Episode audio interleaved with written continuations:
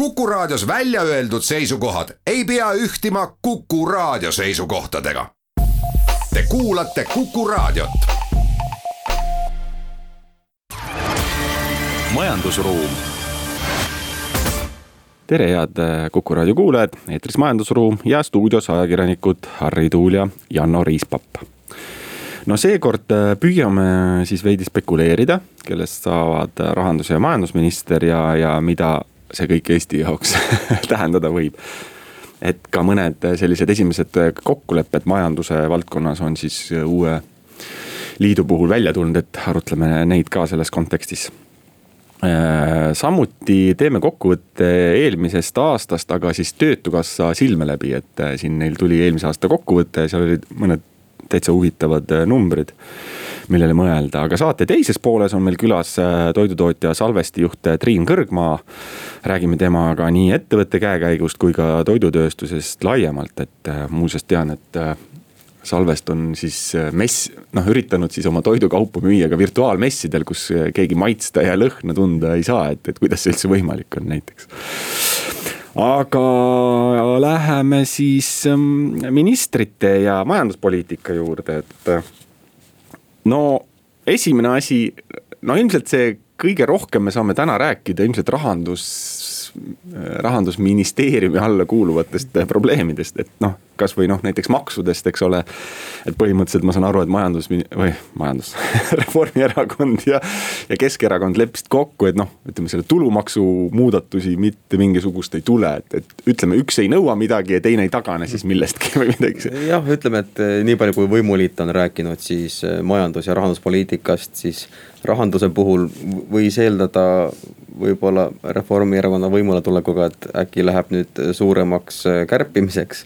nagu oleme varem näinud, aga siin juba möödunud nädalal vist äh, anti küll nagu selline esialgne indikatsioon, et nüüd väga tugevalt ei minda praegust äh, seda nii-öelda suurt eelarve miinust nii-öelda kärpima ja mis võib-olla on isegi olulisem, kui eile õhtul siis teatasid Kaja Kallas ja Mailis Reps, et et võib-olla selline keskkonnapoliitikaga seonduvalt siis äh, uusi põlevkivi äh, investeeringuid äh, riik ei tee ja plaanib siis siin viieteist aastaga lõpetada põlevkivi elektri tootmise ja pa paarikümne aasta pärast siis ka põlevkiviõli tootmise no vot siin, eh, siin me sinuga enne saadet ka arutasime, et kas, kas see puudutab nüüd ainult seda riigifirmat Eesti Energia või ka teisi firmasid, et see jäi ikkagi praegu natukene segaseks, et mina sain aru, et riik ei tee neid investeeringuid, mis ei tähenda näiteks, et noh, ma ei tea, VKG või Alexela Grupp või keegi teine ei võiks neid teha.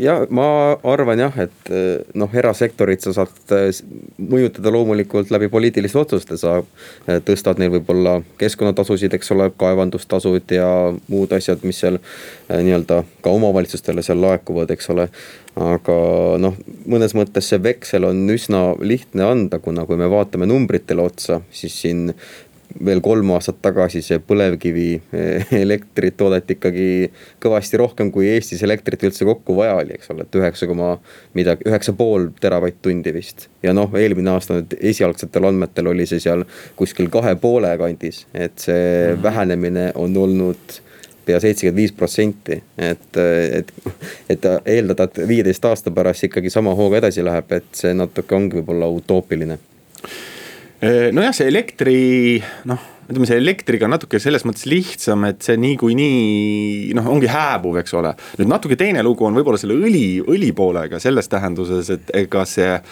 fossiilsete kütuste tarbimine ju kuidagi ära ei lõpe, et sellepärast, et ütleme Eesti, ütleme nojah, ütleme otse, et Eesti Energia lõpetab selle tootmise ära, et, et siin tabavalt on mõni kommentaator ütlenud, et, et see rohepööre on nagu poolik, et, et, et me lõpetame justkui to tootmise ära, aga tarbimine, tarbime ikkagi edasi, lihtsalt see toodetakse kusagil mujal.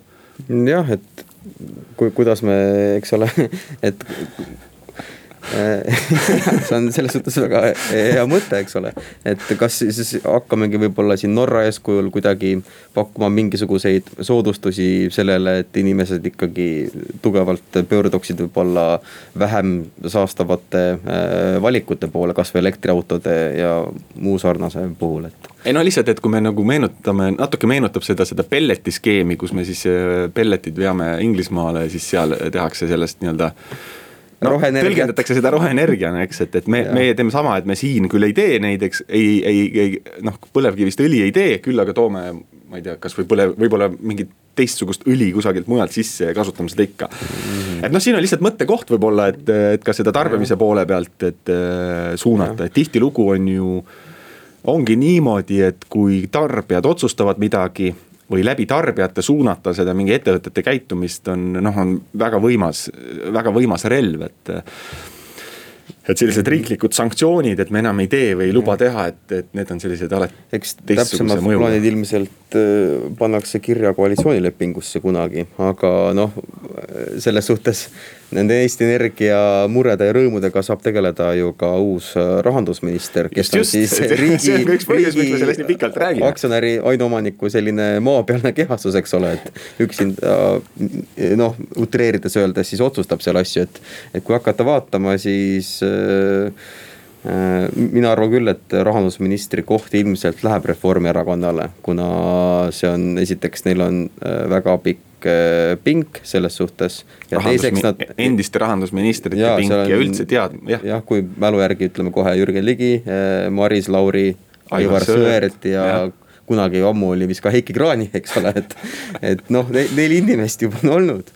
Äh, et ja, ja lisaks sellele rahandus on olnud nende selline nii-öelda peamine siis selline Mm, korras rahandus on olnud nende selline äh, peamine voorus, eks ole. et kui hakata mõtlema, et kes võib-olla sobiks kõige paremini, siis on meediast ju läbi käinud ka Andres Suti nimi. ja ta ju ka töötas Eesti Energias regulaatorsuhete juhina. küll küllaltki lühikest aega, et mäletan, et äkki kaks tuhat seitseteist detsembris ta vist äh, sinna juhatusse asus ja jaanipäevaks vist oli juba sealt äh, läinud, et ei oska küll täpselt öelda, mis põhjustel, aga, aga kui eeldada, et seal oli ikkagi mitmeaastane leping sõlmitud, siis noh, mine sa tea. no igatahes äh, saab kindlalt väita seda, et ütleme Eesti Energias ollakse väga tähelepanelikult jälgimas neid kõnelusi, sest et just nende, nende tegevusega seotud küsimusi valitsus väga teravalt arutab ja ka ministri noh, ütleme ministri isik võib olla noh, et kui ta on varasemalt kuidagi seotud Eesti Energiaga, siis see kindlasti noh no, mõjutab kas neid suhteid või suhtumist. võib-olla ülesandepüstitusi ja, ja nii edasi. võrreldes senise selle omaniku ootusega, eks ole, meil oli EKRE ja Martin Helme oli, eh, siis see on täiesti sada kaheksakümmend kraadi selline pööre, eks ole. et Martin Helme ju nõudis ka siis tuhande megavati selle võimsuse tagamist mingi teatud ajani ja nüüd noh, mingitel aegadel Eesti Energia saab seda, eks ole, rakendada, kui turuhind lubab. aga üldiselt nad hoiavad seal neid niimoodi enam-vähem soojas, et, et ootavadki seda momenti, et millal nad saab nii-öelda üles koormata aga teeme väikese pausi ja proovime siis natukene arutleda majandusministri teemal. majandusruum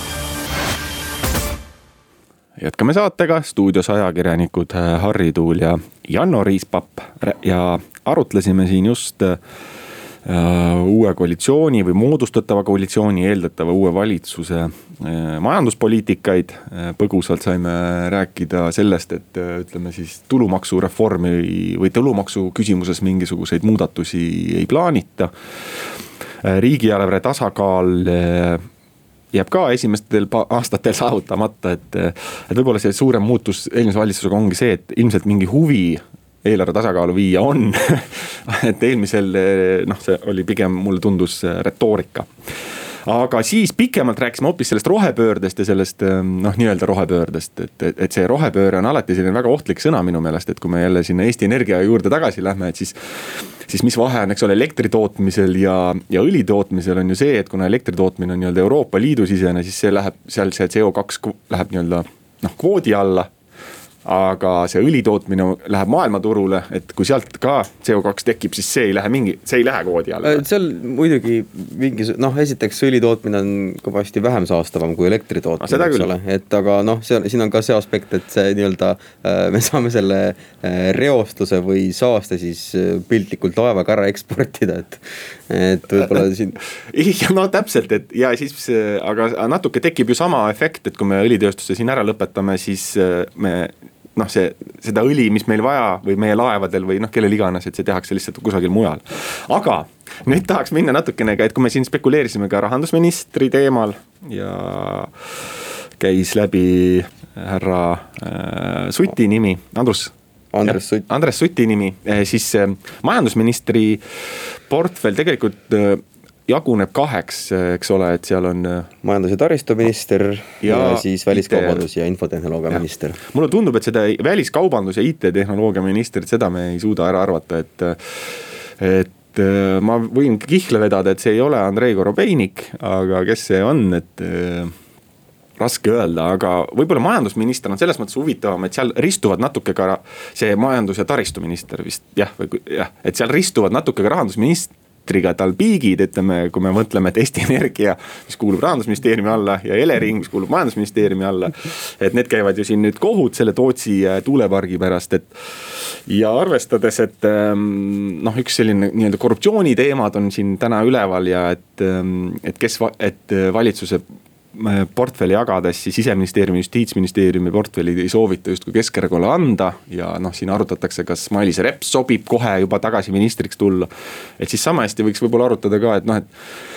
et kunagine Tallinna pikaaegne linnaema Taavi Aas, et, et kas noh, et kui me tahaks täitsa puhast, äh, kuidas ma ütlen, äh, lehte pöörata, et võib-olla Äh, sealgi tasuks kaaluda mittejätkamist või ütleme, ministri mm. vahetust. no mina pigem arvan, et äh, Taavi Aas jätkab majandus- ja taristu. mul ka millegipärast on selline. et äh, esiteks juba see asi, et seal all on kriisimeetmed, KredEx ja EAS ja need on juba saanud mitmel poel väga palju tähelepanu. esiteks on see asi, et noh, KredExiga seonduvalt on, eks ole, praegu see noh Äh, korruptsiooni asi, Porto Franco ja teine asi on see, et ükskõik, mis otsused sa teed või kuidas sa valitsuse poolt need suunised paika paned, sa saad ikkagi kriitikat. kellele ikkagi ei sobi need meetmed ja kes tahaks rohkem ja, ja, ja nii edasi ja see ongi suuresti, ma arvan, et seal, seal Reformierakonnal võib olla mõtet minna torkima minu arvates. no eks näis, on põnevad ajad, aga, aga läheme nüüd äh, edasi järgmise teema juurde mis on ka ju vahetult ikkagi lõpuks valitsuse otsustega ja suunistega ka seotud olnud eelmisel aastal suuresti. Äh, töötukassa siis äh, avaldas eelmise aasta sellise vaate, et mis siis eelmine aasta toimus, et ja seal tulid välja noh, mõnes mõttes ka need asjad, mida me teadsime. Aga tuli ka uut infot, et noh Äh, number üks, et äh, tegelikult äh, seda töötasu hüvitist, mis siis eelmisel aastal maksti, et seda sai sisuliselt iga viies töötaja, mis on ikkagi väga suur hulk, kui me mõtleme, et noh, et kui need teoreetiliselt või ütleme nendest, kas kõik või pooled oleks võinud ka töö kaotada, et siis see hulk on ikkagi ju kümned ja sajad tuhat, noh sada tuhat. Jah, et kui, kui vaadata numbritele otsa, siis möödunud aastal kokku hüvitise saajaid oli siin äh, üle saja kolmekümne seitsme tuhande ja kokku said nad hüvitist siis äh, kakssada viiskümmend kuus miljonit eurot. ja nendest hüvitiste saajatest siis äh, on pärast töötuna arvele võtnud umbes kaheksa protsenti, mis on siis ligikaudu siin suurusjärk üksteist tuhat inimest.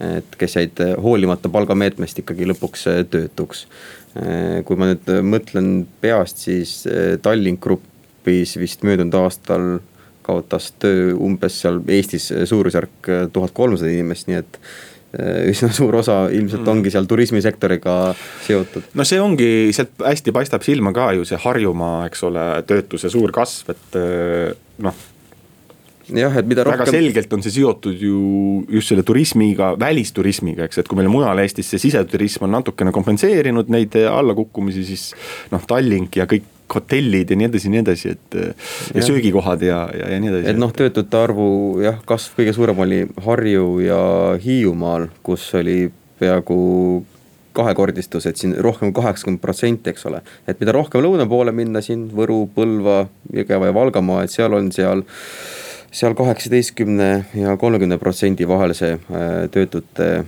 arvu aastane kasv jah, et kui no nagu küüniline olla, siis sellised vaesed, noh õnnetumad piirkonnad äh, said vähem pihta. jah, noh, kelle, kelle, kelle võib-olla Kelle on majandus ei ole niivõrd seotud, eks ole, teenindava sektoriga, et jah, noh, Ida, noh Ida-Virumaal muidugi jätkuvalt on kõige suurem töötus. aga võib-olla see üks number, mis ikkagi mind natukene üllatas, aga võib-olla on ka loogiline, et, et neid taga, noh, et kui me, kui neid hüvitisi jagati, noh kokku ju kakssada viiskümmend kuus miljonit, mis on ikkagi väga-väga suur raha.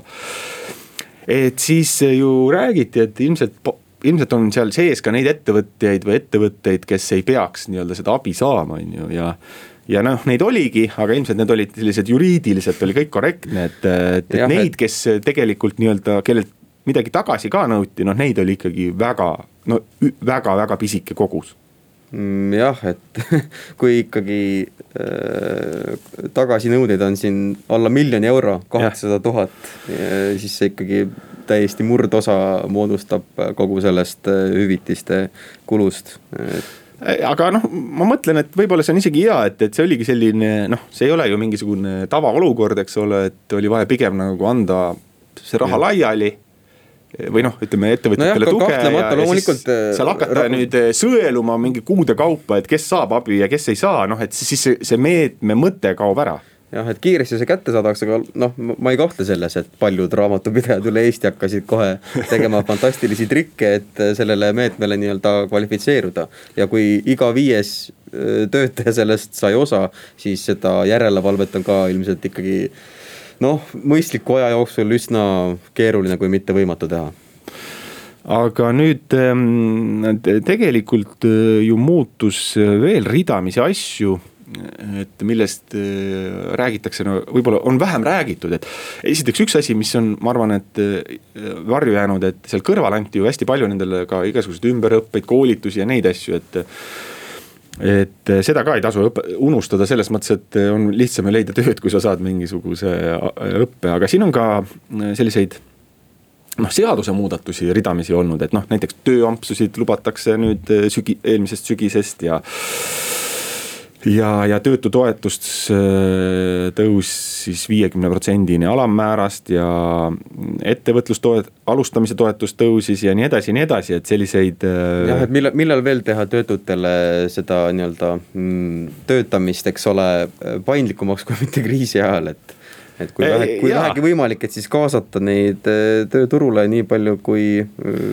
võimalik ja, ja ma arvan, et see on ju täiesti mõistlik absoluutselt, aga noh, ütleme need, need meetmed jäid natukene võib-olla varju, et, et seal, et seal taga on noh, et, et mitte ainult see, et hüvitisi on ei olnud ainus muutus, mis eelmisel aastal oli ja, ja, ja.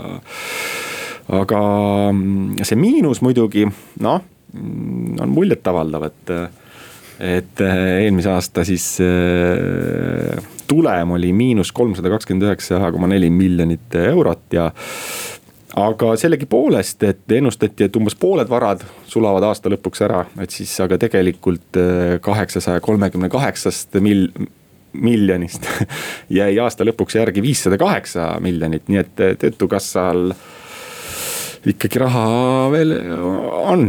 jah, et see miinus siin järgnevatel aastatel ütleme sellel ja siis noh, paaril järgneval on siin suurusjärk viiskümmend, kuuskümmend miljonit eurot aastas, et see nagu ei ole enam. see on ikkagi suurusjärgu võrra vähem, eks ole, et töötukassa reservide päris kokkusulumist ei maksa karta. aga noh, eks seal oligi ka kogunenud nii suur hulk raha, et jätkubki noh, oleks umbes sarnaseks kaheks-kolmeks aastaks põhimõtteliselt jätkunud, aga noh, sarnaseid aastaid me enam ei oota. majandusruum jätkame saatega, stuudios ajakirjanikud Harri Tuul ja Janno Riispapp ning majandusruumi on tulnud külla toidutootja Salvesti juht Triin Kõrgmaa. no me rääkisime siin natukene sellisest raskematest aegadest siin eelmises saatelõigus töö, töö, kuidas see oligi, töö, palgahüvitisest, eks ole, mida Töötukassa maksis ja nii edasi, et kuidas teil need ähm, algusajad seal, kriisi algusajad olid, mõtlen selles mõttes, et toitu justkui noh, teil pidi olema nagu sellise tavaarusaama järgi noh, parim aeg üldse. et äh, tere ka minu poolt, äh, Salves tõesti äh, kevadel ühelt poolt sai paraja šoki nagu kogu ühiskond, aga teiselt poolt mul on väga hea meel öelda, et meie tiim suutis väga kiiresti reageerida ja kui märtsis läks lahti osturalli, kus kõigepealt sai otsa WC-paber, siis hakkasid otsa saama kuivained, siis purgitoidud.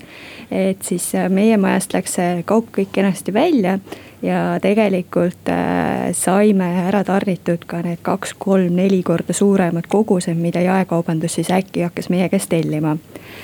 kui me räägime nendest hüvitistest, siis äh, mul on hea meel öelda, et Salvest õnneks ei ole pidanud ühtegi hüvitist kasutama et me oleme saanud ise hakkama. me oleme suutnud hoida kõik oma inimesed tööl ja samal ajal ka tegelikult palgataseme sellel, mis ta oli eelmine aasta enne seda.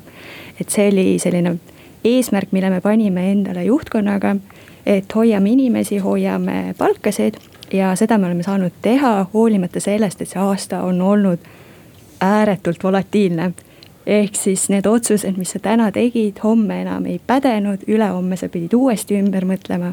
et see on nõudnud hästi palju pingutust, aga samal ajal ma usun, et ta on hästi palju kasvatanud ka tiimi. et mhm. kuidas neid kiireid otsuseid kommunikeerida, kuidas hoida seda oma töötajate tervist, et äh, nemad oleks terved, me saaksime igapäevaselt toota, me saaksime müüa ja seeläbi tagada ka siis selle toiduga kindlustatuse Eesti riigis kas mõni hetk tekkis võib-olla ka vastupidi, et oli tööjõudu juurde vaja, kui nõudlus väga järsku kasvas? Äh, mõnedel hetkedel oli juurde vaja, aga me suutsime seda lahendada oma inimeste ümberkorrald-, töö ümberkorraldamisega. ehk siis teiselt poolt me ei tahtnud võtta ka riske selles suhtes, et me võtame inimesed tööle ja me mingi aja pärast neid ei vaja enam. et me pigem rääkisime pidevalt enda inimestega läbi, kuidas, mida me teeme, kuidas me pingutame, kuidas me kompenseerime, et me saaksime tagada seda stabiilsust. ja selles suhtes me saime sellega täitsa ilusti hakkama, me suutsime oma varud taastada. sest et meie töö spetsiifika on see, et kartul saab valmis sügisel ja seda saab kasutada märtsini. pärast seda ei ole seda enam kuskilt võtta. kapsas samamoodi, ehk siis meie töö spetsiifika on ka väga hooajaline, mis tähendab seda, et kui märtsis meie ladu põhimõtteliselt neljandiku mõistes tõmmati tühjaks, ehk siis kogu suvevaru tõmmati ühe-kahe nädalaga majast välja siis tuli väga kiirelt reageerida, et see laovarud taastada, et me saaksime selle suve lõpuni, uue hooaja alguseni ilusti katta ära selle toodete vajaduse. aga kuidas see õnnestus, et ja kas pärast seda sellist noh, nii-öelda noh, kuidas öeldakse, sellist hüpet, eks ole, tarbimishüpet, kas siis toimus ka selline nagu pohmelus või selline nagu ärakukkumine? no eks see pohmelus natukene ikka oli, et äh, aprill-mai olid väiksemad kuud äh, kui see märtsi põhimõtteliselt kahekordne käive aga samas ei kukkunud täiesti ära, et sellele kindlasti aitas kaasa see, et tegelikult enamus eestlasi oli kodus. lapsed olid kodus, vanemad olid kodukontorites, mis tähendas seda, et perekonnad seisid silmitsi kolm korda päevas söögi tegemisega. enam ei olnud võimalust äh, koolis süüa, minna kuskile restorani või lõunakohta endale lõunat haarama. ehk siis otsiti neid lihtsaid lahendusi ja väga paljudes peredes oli ka see, et lapsed olid üksinda kodus. mis tähendas, et nad otsisid lahendusi nagu valmis supid, valmis toidud, mida kiiresti ja ohutult lapsed saaksid endale valmistada et põhimõtteliselt, et, et kui me räägime siin, et oleme rääkinud, ma ei tea, et mingid Zoom'id ja Skype'id olid ühed võitjad, kodukontori võitjad, siis ka ütleme sellise noh, toiduvalmistajad ka mõnes mõttes. noh, toit on see, mida meil on igapäevaselt vaja. et selleks, et me suudaksime inimestena funktsioneerida, meie aju suudaks töötada, meil on vaja igapäevaselt toitu. ehk siis selles suhtes kindlasti toidutööstus sai vähem pihta sellest kriisist, kui said teised tööstusharud. noh, turismist me üldse ei räägi, äh, kogu see pool, äh, restoranid samamoodi. et toidutööstuses pigem oli see jagunemine selles, et kuidas oli ettevõtte struktuur, müügistruktuur paika pandud. kas see oli suunatud ainult jaekaubandusele, ainult hotellidele, restoranidele, ainult ekspordile. et need kaks viimast kindlasti olid need, mis said pihta ja eriti see pool, kus eksport Horekasse ehk -hmm. siis kui kogu Euroopas olid restoranid, hotellid kinni, siis see tähendas ka seda, et, et sealt tulid väga suured kukkumised aga siiski tuleb ütelda, et toidutööstus kogu kriisi kontekstis on olnud suhteliselt õnnelikus seisuses. aga mõtle näiteks klientide osas, et kas need kliendid, eks ole, kas noh, need, kes on har harjunud teie tooteid tarbima või võitsite nii-öelda uusi, et saite tutvustada nii-öelda oma noh, tooteid või, või nad noh, proovid ära, siis võib-olla tahad teist ja nii edasi. kindlasti jõudis meieni uuesti sellist äh, teistsugust tarbijaskonda, et seda me nägime kasvõi enda enda kaupluses äh, abiks olles tööl, et nendel esimestel nädalatel me täiesti teadlikult kontoriga käisimegi seal vahetuste kaupa tööd tegemas. ja oli näha hoopis teistsugust ostja profiili. oli näha ka selles suhtes teistsugust ostja profiili, et inimesed ostsid märgatavalt suuremaid koguseid korraga. mis tegelikult oli hea, sellepärast et nad sellega vähendasid oma kontakte poes ja samal ajal siis äh, tagasid endale selle toiduga varustatavuse. kui me vaatame nüüd ütleme sellest esimesest kriisišokist väljumist, siis tegelikult on näha, et inimesed jäid tarbima. et need teatud mugavused, teatud äh, eelised ikkagi jäid nii palju mängima et ka suveperioodil, kui rännati mööda Eestimaad ringi valdavalt, sest mujal ju ei saanud kuskile minna. siis varuti endale ikkagi samamoodi selliseid suppe, lõunatoite, aga ka lastetoite ja mugavustooteid. et erinevaid smuutisid näiteks kaasa võtta et inimesed sisuliselt äh, harjusid ära sellega siis? jah, et äh, kindlasti see oli natukene ka teistsugune vaheldus neile. et äh, päris paljud, ütleme võib-olla noorem generatsioon oli unustanud, kui hea asi on seljankasupp. või et tegelikult hernesupp on samamoodi väga maitsev, väga toitev, väga hea valguallikas. et sellised väiksed asjad andsid jälle neid muudatusi ka tarbijaprofiilile aga kuidas teil see noh, nii-öelda ettevõtte siseselt kommunikeerimine, et põgusalt puudutasid seda, et noh, ega inimesed olid ju mures ja, ja et kas see kuidagi muutus. Äh, või kasutasite neid samu mingisuguseid nippe, rääkisite rohkem? rääkisime märgatavalt rohkem, et põhimõtteliselt esimesed kaks kuud äh, me tegime iga nädal praktiliselt sellised staatus update'id, mis on toimunud, mis on riiklikud meetmed mis on meie majasisesed olukorrad, et me kogu aeg hästi palju tagasisidestasime. pärast seda, kuni siis mai keskpaigani me hakkasime andma sellise kontoritiimile iga, põhimõtteliselt igapäevast, hiljem juba nädalast infokirja. et äh, millised on need muudatused olnud, kas on midagi, mille me peame rohkem tähelepanu juhtima. et ähm, üritasime hästi avatud kommunikatsiooniga olla ja ma usun, et tänu sellele tegelikult me saime oma sõnumi väga hästi edasi antud ja me saime tegelikult toimida, meie inimesed olid terved ja nad said aru, miks need piirangud, mingisugused täiendavad kontrollmeetmed on rakendatud. et äh, selles suhtes ma olen väga uhke meie tiimi üle, et nad tõesti tulid kõikide nende asjadega kaasa et ega olgem ausad, see ei ole väga mugav, et sa tuled tööle, esimese asjana sind kraaditakse. siis sa lähed äh, oma kõik desotamised, kõik asjad, siis sa lähed vahetad veel riided, siis sa teed uued desotamised ja niimoodi päevast päeva.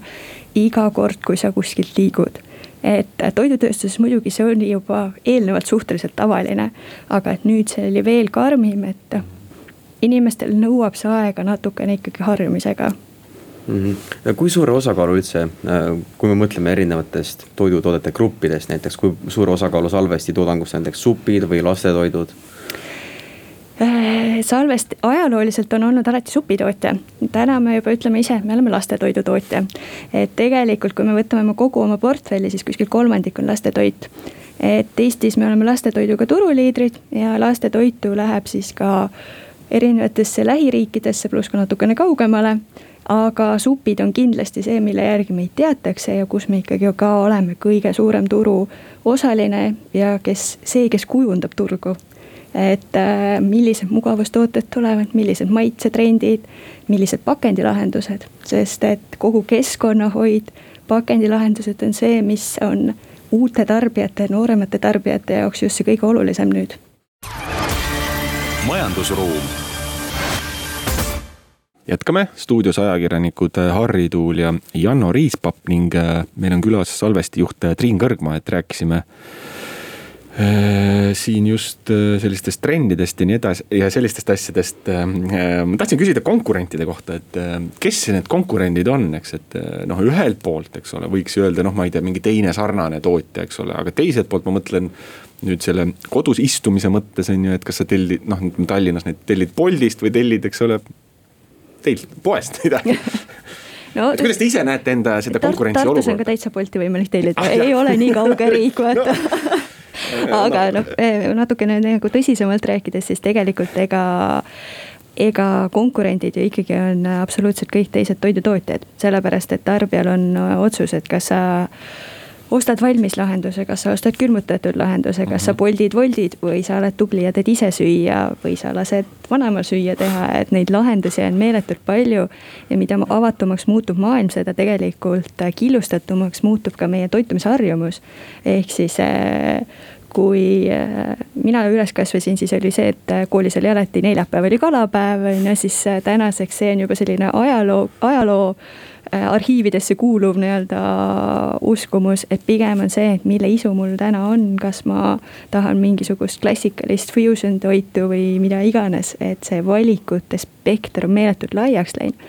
ja seda enam on tegelikult seda tarbijat kätte saada tootja jaoks palju keerulisem mm. -hmm. et see on turundusel on väga-väga suur roll sellel kujundamisel ja aga salvesti puhul kindlasti seitsekümmend viis aastat maitseid on see, mis ikkagi ajalooliselt on meile kuidagi sisse kodeeritud, et kui on Porsche, siis on ikkagi Porsche, et äh, me teame täpselt äh, enda nagu lapsepõlvest oma kogemustest, et mis see maitse olla võiks. aga kui sa ütlesid, et turundusel on nagu suur surve, aga ma mõtlen, kas see, kas see kuidagi nagu toot-, tooteid ka mõjutab, et olete pidanud midagi muutma või täiustama, ma ei tea, mingit suhkrutega, näiteks suhkrut on olnud, eks ole, mingi teema siin, et suh-, vähem suhkruid võiks olla.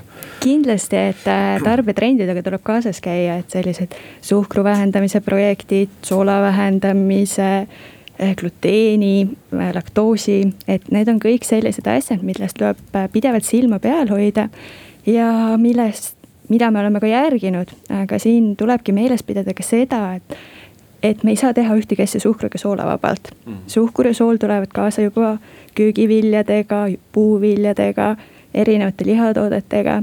ja teiselt poolt on suhkur ja sool säilitusained mm. -hmm. ehk siis need on need, mis tegelikult aitavad hoida meie toitu sellises konditsioonis, nagu me soovime seda poest osta. ehk siis me ei saa unustada kõikide nende toredate trendide valguses tooteohutust, toiduohutust, mis on ju tegelikult kõige alus et kui me ei suuda ohutut toodet äh, turule tuua, siis tegelikult kaob ka tarbija usaldus ma tahtsin veel ekspordi kohta küsida, et noh, et äh, noh, toit on selline noh, ütleme maitse küsimus, eks ole, ütleme ausalt, eks ole, aga noh, maitsed on ju kultuurilised, on erinevused ja nii edasi, et kui lihtne või raske on üldse noh, selliseid tooteid eksportida Eestist ja kuhu üldse saab ja nii edasi? Äh, no eks eksport on alati selline keeruline küsimus ja küsimus on alati see, et kas sa oled oma brändi müüma või sa oled äh, allhanketootja. et äh, tänases situatsioonis kindlasti tasub natukene rohkem panustada ka sellesse oma brändi või siis mingisugusesse go-packing lahendusse. aga toit kindlasti on äh, regiooni või riigipõhine, et kui me räägime suppidest, siis supp Euroopa söömiskultuur on tegelikult väga meie regioonile omane, et kaugemale minnes tegelikult supp enam ei ole selline meie jaoks tavapärane supp, vaid võrdub püreesupp mm. -hmm. ehk siis sellised tükilised supid nagu seljanka või poršon ei ole sellised kultuuriruumi osa enam. Samas aga, kui me räägime näiteks sellistest rahvusvahelistest toodetest, siis äh, lastetoit on üks väga rahvusvaheline toode. sellepärast, et seal kehtivad hoopis teised kriteeriumid kui ainult äh, see, ütleme, maitseprofiil. seal on palju olulisem puhas tooraine, ilma lisaaineteta, sobiv pakendilahendus. ehk siis äh, alati tuleb leida ka ekspordis see nišš, et äh, kus on võimalik müüa ja Salves tegelikult ongi viimased aastad keskendunud puhtalt lastetoidumüügile et lastetoit, ökoloogiline lastetoit on tegelikult see, kuhu maailm liigub ja mida meil Eestis on väga hästi võimalik teha ja maailma konkurentsis teha. kas te lähete sinna pigem äh, välisturgudele, siis äh, püüate ka lastetoitu näiteks oma kaubamärgiga või tuleb sealt ka selliseid võib-olla tellimusi, et kuidas need osakaalud võib-olla on? Äh, mõlemaid lahendusi on, et eks selle oma kaubamärgi ülesehitamine on kallis lõbu ja see võtab väga palju aega et kui me räägime sellisest nii-öelda suurest profiilist, siis tegelikult ikkagi enamus läheb kas siis go-backing allhanke lahendustena et aga samas oleme me tegelikult kasvatanud nii lähiregioonis äh, Soomes, äh, Lätis, Leedus ka oma brändi juba viimased aastad. tõsi, võib-olla mitte nii kiirelt, kui me ise oleksime seda tahtnud Eesti edu põhjal, aga siiski me ei ole nõus seda veel alla andma, et me näeme, et seal on potentsiaali ja me pingutame selle nimel, et põnnilaste toit saaks sama tuntuks ka Lätis ja Leedus, kui ta on Eestis aga mis on kõige kaugem koht, kus ma ei tea, salvestitooted on saadaval? Äh, kõige kaugem koht, kuhu me ekspordinud oleme, oli Ghana. et mm. Ghanasse me saatsime ka lastetoitu.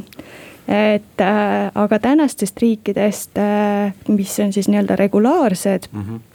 on siis kõige kaugem hetkel Saksamaa. me küll oleme teinud siin nii-öelda erinevaid ühekordseid müüke nii Hongkongi, Jaapanisse kui ka Hiinasse, aga need ei ole hetkel püsivad.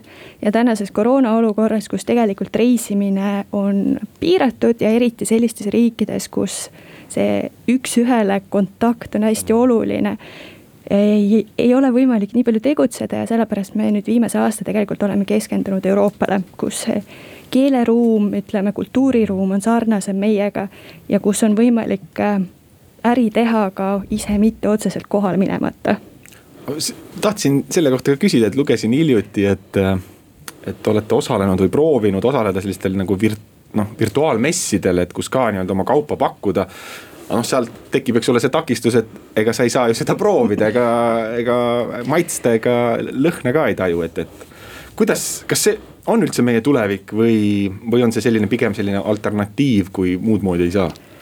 No eks ta hetkel on alternatiiv, et toit ikkagi, nagu sa ise ka ütlesid, on äh, sihukene emotsioon mm. -hmm. ja ütleme, et äh, kogu see pakend ja, ja see ilus pilt pakendi peal on selle emotsiooni nii-öelda esilekutsuja, aga ikkagi see lõhn, see maitse, see serveering on see, mis siis tegelikult äh, tekitab huvi et tõesti, need uued virtuaalmessid on paras väljakutse ja seda enam on ta paras väljakutse, et Eesti kui riik ei ole võib-olla nii tuntud ja mm. me ei ole tegelikult, äh, me oleme küll väga meeletult ägedat tööd teinud sellega, et Eesti kui turismiriigi tutvustamisega.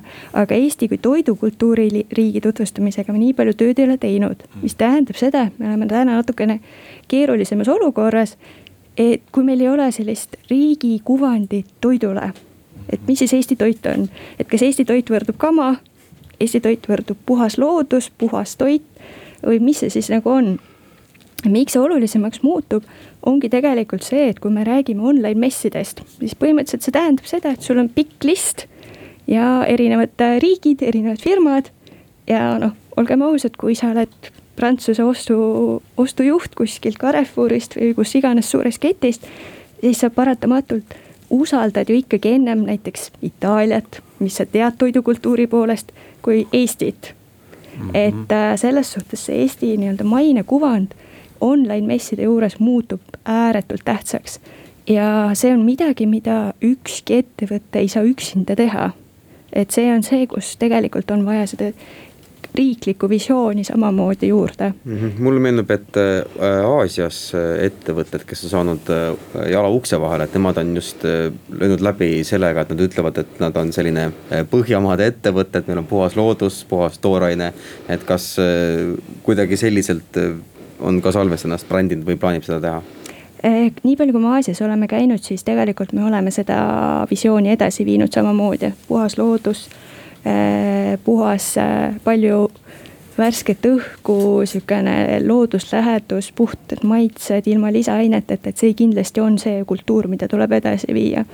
aga mis ma nagu mõtlesin ka selle nii-öelda riigi toega on see, et ka teised toidutööstused on samas situatsioonis.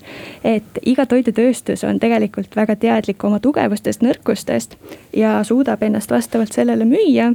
aga selleks, et ta üldse laua taha saaks, nii-öelda sellistel suurtel läbirääkimistel on vaja seda esmast nii-öelda push'i, et miks üldse laua taha saada. et seal tuleb see riigi kuvand väga suurelt mängu veel viimane küsimus, meil ei ole enam palju aega jäänud, aga kuidas on olukord inimeste noh hoidmise ja värbamisega, et on seal mingeid keerukusi, mida välja tuua mm,? me Salvestis saame ütelda, et me selles suhtes oleme väga õnnelikus situatsioonis.